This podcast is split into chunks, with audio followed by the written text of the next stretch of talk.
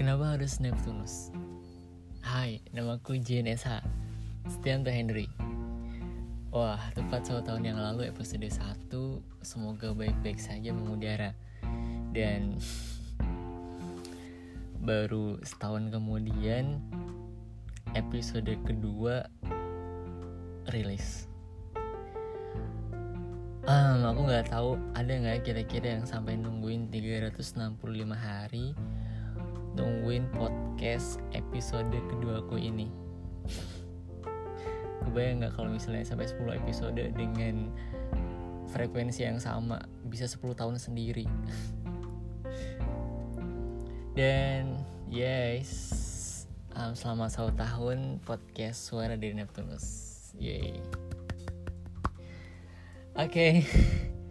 kembali ke judul kenapa harus Neptunus. Hmm, sebelumnya apa kabar semuanya? Semoga semuanya baik-baik saja. Semoga um, yang sedang nggak baik-baik saja bisa kembali baik-baik saja. Um, Suara Neptunus barangkali bukan jadi satu-satunya podcast yang mungkin kalian dengar dan mungkin bakal jadi podcast dari sekian banyak podcast yang juga kalian bakal dengar. Dan aku nggak berharap kalau podcast ini bakal jadi podcast favorit kamu. Aku cuman berharap mudah-mudahan podcast ini seenggaknya bisa nemenin hari-hari kamu. Meskipun aku juga nggak bisa menjamin kalau podcast ini bakal jadi sesuatu yang ada uh, ada sisi baik yang bisa diambil gitu. Karena bisa jadi yang ada justru malah nggak ada sisi baiknya uh, nol gitu. Atau bahkan malah sebaliknya uh, sisi buruknya. Tapi tergantung perspektif kita mengambil semua hal sih. Ya kan? Oke okay. mudah-mudahan podcast ini, suara ini bisa telinga kalian terima dan juga mungkin pikiranmu juga bisa nerima. Um, banyak yang bertanya kenapa sih harus Neptunus? Dari sekian banyak planet di tata surya kenapa harus Neptunus? Kenapa misalnya nggak suara dari Merkurius? Kenapa misalnya nggak Saturnus? Atau misalnya nggak Jupiter? Jawabannya hmm, aku nggak tahu. Jujur jadi tiba-tiba saja aku tertarik dengan Neptunus. Yang menurutku Neptunus jadi sebuah planet yang bisa dibilang ukurannya cukup besar.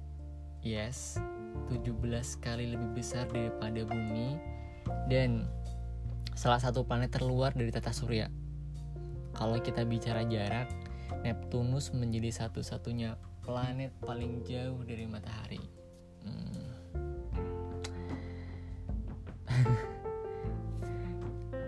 Wah, kayaknya dia jadi planet paling terasingkan deh. Tapi menurutku nggak masalah sih, meskipun terjauh dari pusatnya tata surya dari dari matahari, tapi selama dia masih dari masih di dalam garis edarnya, ya itu oke okay aja. Dan kalau misalnya kita tahu mungkin teman-teman juga udah pernah baca kalau planet Neptunus ini juga planet yang bisa terbilang paling lamban dalam mengorbit gitu. Nah, mungkin juga ada yang nanya, terus kenapa harus Neptunus yang dijadiin pilihan gitu? Nah, buatku ya karena suka aja sih meskipun dia terluar dari matahari buatku nggak masalah selama dia di garis edarnya. Meskipun dia itu planet paling lamban yang mengorbit buatku juga nggak masalah. Selama dia masih tetap mengorbit mau lamban sekalipun ya it's okay. Lagi pula aku pikir juga kan gak ada kompetisi antara planet yang menjadikan Neptunus jadi planet terkalah karena lambatnya ya enggak dan biru adalah salah satu warna favoritku setelah brown dan ungu. Yang aku kira cuman bumi yang punya warna itu dan menariknya Neptunus jadi salah satu planet yang juga punya warna biru selain bumi. Terlahir dengan nama Le Verrier. Nah, kemudian planet biru ini berubah menjadi Neptunus sebagai namanya.